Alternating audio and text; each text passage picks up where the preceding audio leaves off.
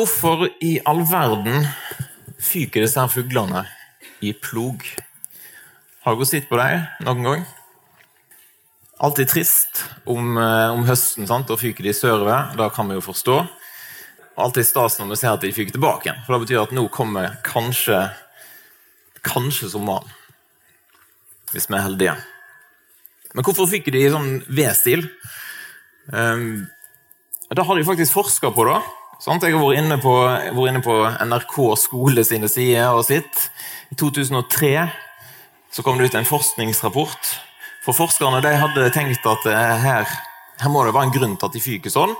Og Endelig hadde de klart å sette pulsklokke på den gjengen. Nei, ikke det pulsklokke, da, men eh, kanskje. Derfor hadde de satt noen sånn målere på dem og funnet ut at når de fyker i sånn V-formasjon, så sparer de sånn ca. 40% energi. For at Lederfuglen han slår an med vingene sine, og så kommer de andre og så fyker de sånn at de blir løfta på, eh, på vingene, på en måte, eller på den luft- eller vindbølga som blir starta av lederen. Eh, og Derfor sparer de energi. Derfor kan de fyke lengre. Og Så har de testa det samme med med jagerfly, og så ser de at de faktisk sparer ca. 20 med, med, drivstoff eh, når de fyker på samme måten som disse her fuglene. Smart. Så var jeg også inne på en nettside som heter Spør en ornitolog. Det er jo alltid gøy å gjøre det. Men Der sto det også noe om at de, de bytter på fuglene. Så bytter de av og til på hvem som fyker fremst, og hvem som drar. Sant? Fordi de må fordele energien, og eh, hvem som skal være den som leder an er jo interessant. Og så har jeg sant, noe med, er vi ikke på å spørre en ornitolog, når jeg spør Kjetil han har sagt, eller mine, mine, spekulasjoner.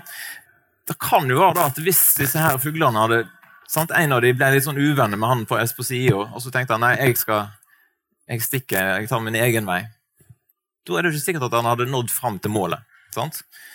Det hadde kanskje blitt for mye motvind, tappa for krefter, så når han ikke helt fram. Nå er det ikke sånn at Talen i dag det skal ikke være en sånn time i, i naturfag. nødvendigvis. Det skal handle om, om fellesskap. Og så må jo du ta alt med et par klyper salt. Dette med fuglene og sånn, Det står ikke mye om å fyke i plog i Bibelen.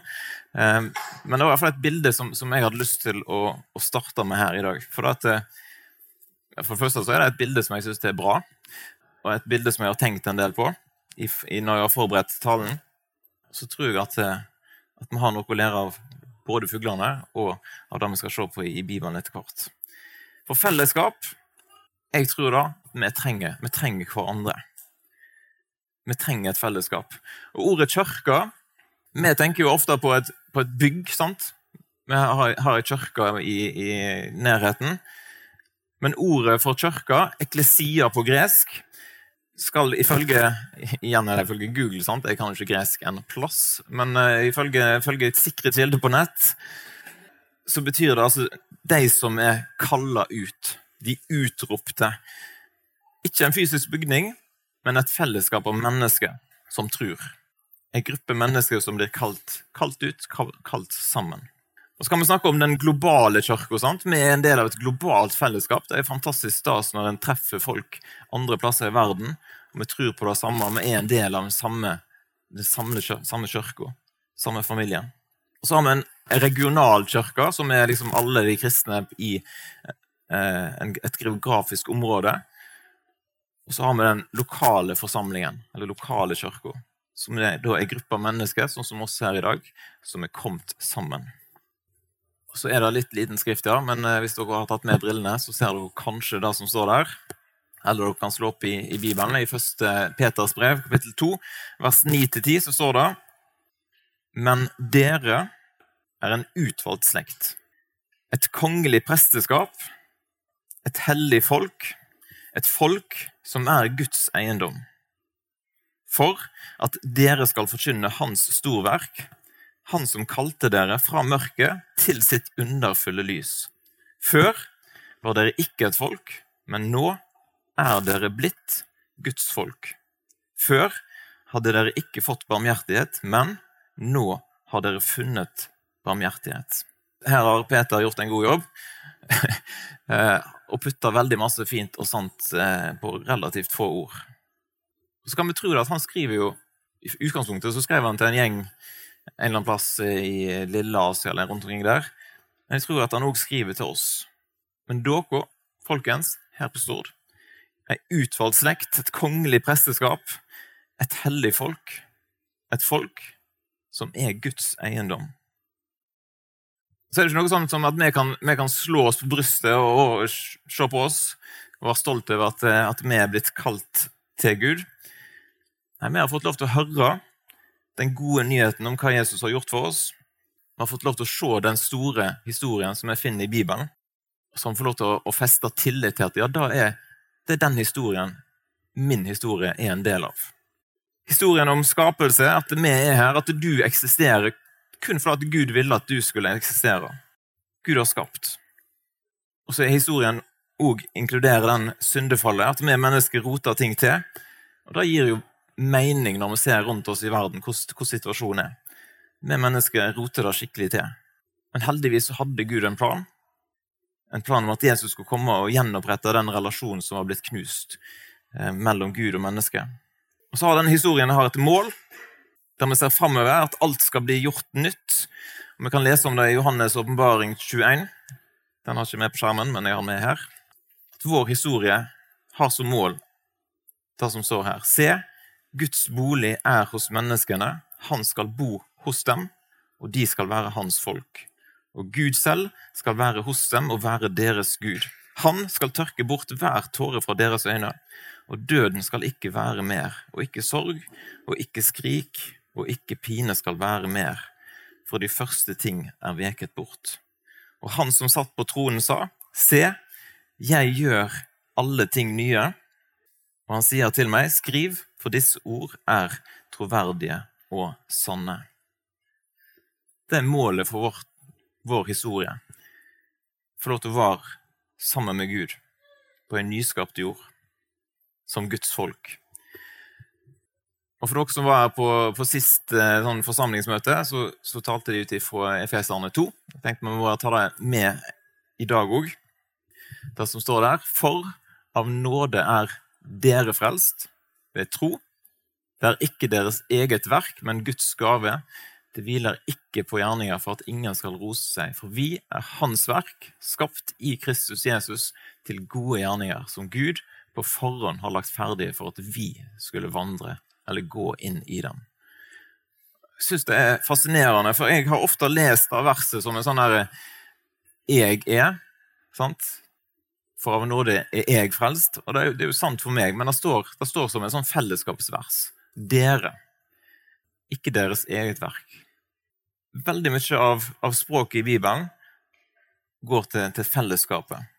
Og så ser vi at vi som fellesskap, tilbake der i, i første Peters brev, så ser vi at vi som fellesskap har fått et oppdrag. Dere skal forkynne hans storverk. Vi skal få lov til å være med og formidle den store historien videre til de rundt oss. Fortelle en bedre historie enn alle andre historier som, som menneskene kan høre. Og så er vi kalt til å gjøre gode gjerninger som Gud legger framfor oss. Jeg skulle tenkt at det, å være en del av et sånt fellesskap, det må jo være alltid helt supert og topp. Og det kan jo være at det er din erfaring. Av og til så sier jeg litt sånn på tull, um, og litt på alvor, at det med forsamling og, og menighet og sånn, det hadde vært så mye enklere hvis det ikke hadde vært for alle de folka. Uh, for det er jo litt sånn at vi kan jo ofte være litt sånn vi, vi kan bli uenige om ting. Og At ikke alt helt fungerer sånn som vi skulle ønsket sjøl. Eller at jeg får Tenk om jeg hadde fått min musikksmak, gjennomslag på alt her på møtet, da hadde det kun vært meg igjen i salen, sikkert. Så har jeg lyst til å tenke fram noen sånne utfordringer i kulturen vår. Da, for når jeg har tenkt litt på dette her, og sett litt på hva, hva andre smarte folk, f.eks. sånn som Harald Eia her, hva han har observert av den norske kulturen, altså vår kontekst, som vi er en del av, og som vi blir prega av i, i, større eller mindre grad, så er det jo litt interessant. For eksempel hadde han et TV-program som heter Sånn er Norge, og der han trekker fram at det er det som er typisk norsk, det som er lengst oppe på lista over hva som er typisk norsk, det er individualisme. Å være uavhengig. sant? Vi klarer oss uten fellesskap. vi, vi klarer oss helt flott på egen hånd. I hvert fall er det en sånn verdi som ifølge Harald Eia, han hadde gjort en del sånne undersøkelser av ting, sant?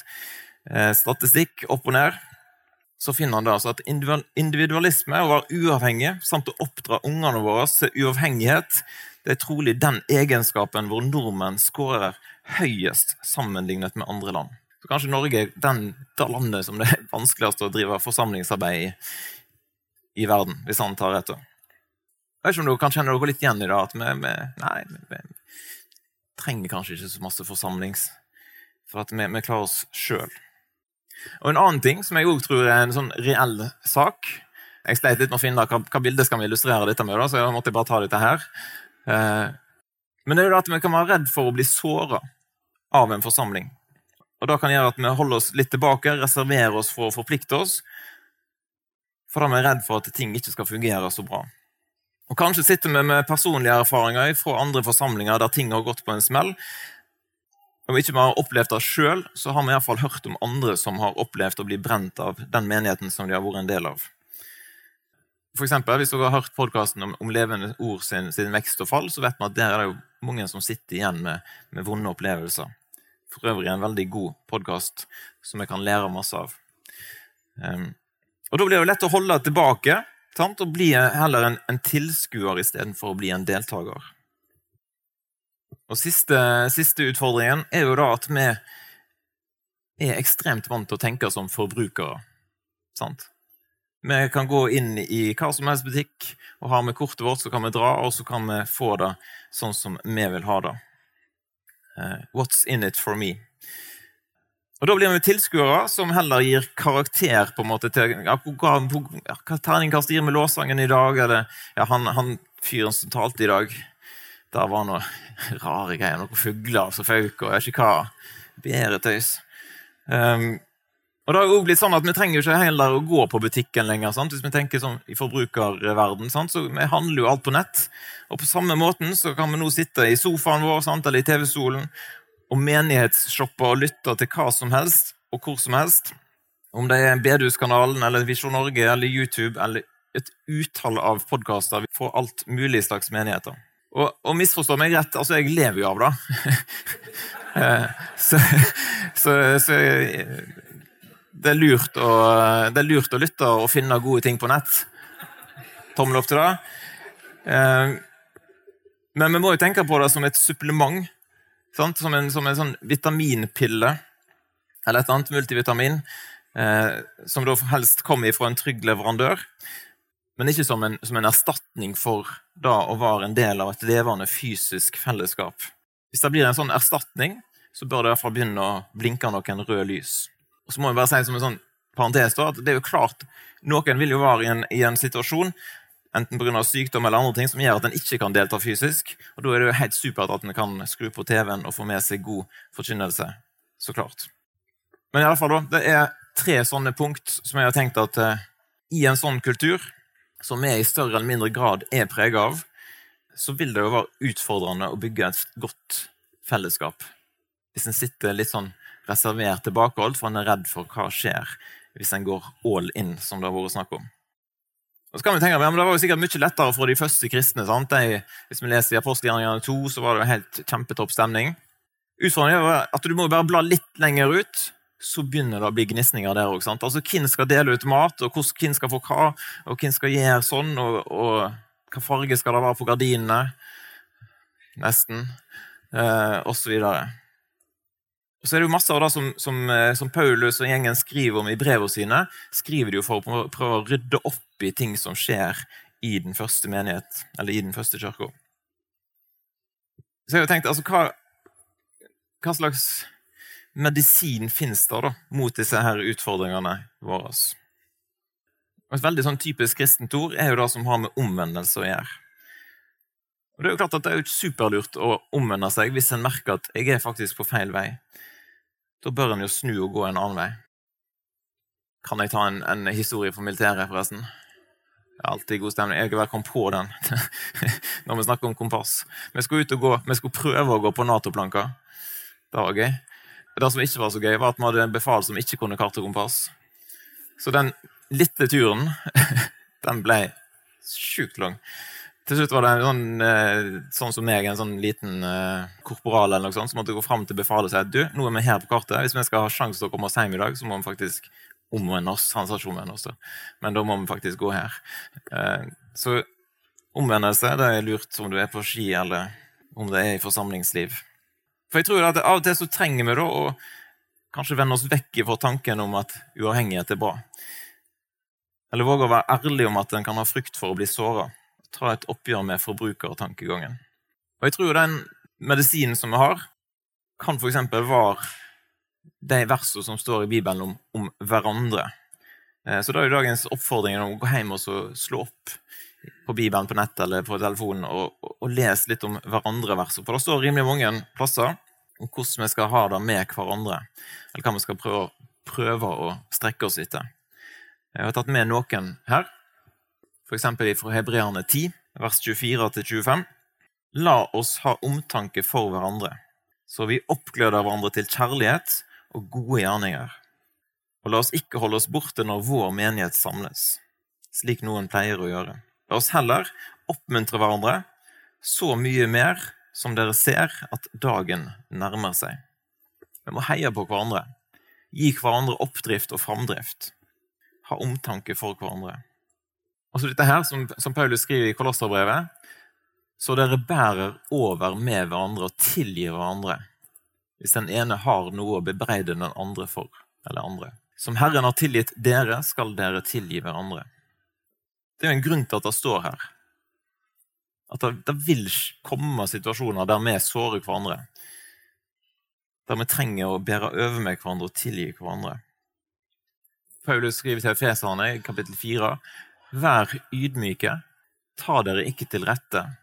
Strekk dere langt, så dere bærer over med hverandre i kjærlighet. Ikke plass til så mye sånn forbrukertankegang der. Heller strekke oss langt for å bære over med hverandre. Og ikke minst tjen hverandre. Vær med den nådegave han har fått, som gode forvaltere av Guds mangfoldige nåde. Jeg håper jo da at vårt fellesskap her på, på Lærvik bedehus, IMF Stord, at det kan være preget av disse hverandre-verdiene. At vi har omtanke for hverandre, at vi klarer å bære over med hverandre. At vi kan bli enige på en god måte om hvordan vi ønsker at ting skal være. Tjene hverandre. For jeg tror da at vi er, på, vi er på vei mot målet, sånn som jeg sa. Jeg tror det kan bli masse motvind. Og det blir ikke noe mindre motvind, for å si det sånn, ettersom tida nærmer seg. Så jeg bare, Nå kan du jo tro at ok, det var punkt én, og her kommer punkt to. Men uh, bare slapp av. Det, det, er bare et veldig kort punkt. for å si det sånn. Men jeg hadde tre bilder som jeg hadde lyst til å dele med dere. Det ene var disse fuglene, og det andre var disse, dette her. som er, Du lurer på hva i all verden er dette her for noe? Det er ikke sånn det ser ut i min garasje. Ikke min heller. Men ifra racerbanen, sant, Formel 1, så må de av og til inn i en pitstop. For at en trenger hjelp til å få justert ting, til å få bytta dekk til å bli satt i stand til å fortsette løpet. Jeg håper at vår forsamling kan være en sånn pitstop, der vi, der vi kommer sammen, får justert retningen vår, satt rett fokus, hjelper hverandre, eh, sånn at vi kan fortsette løpet og fullføre løpet.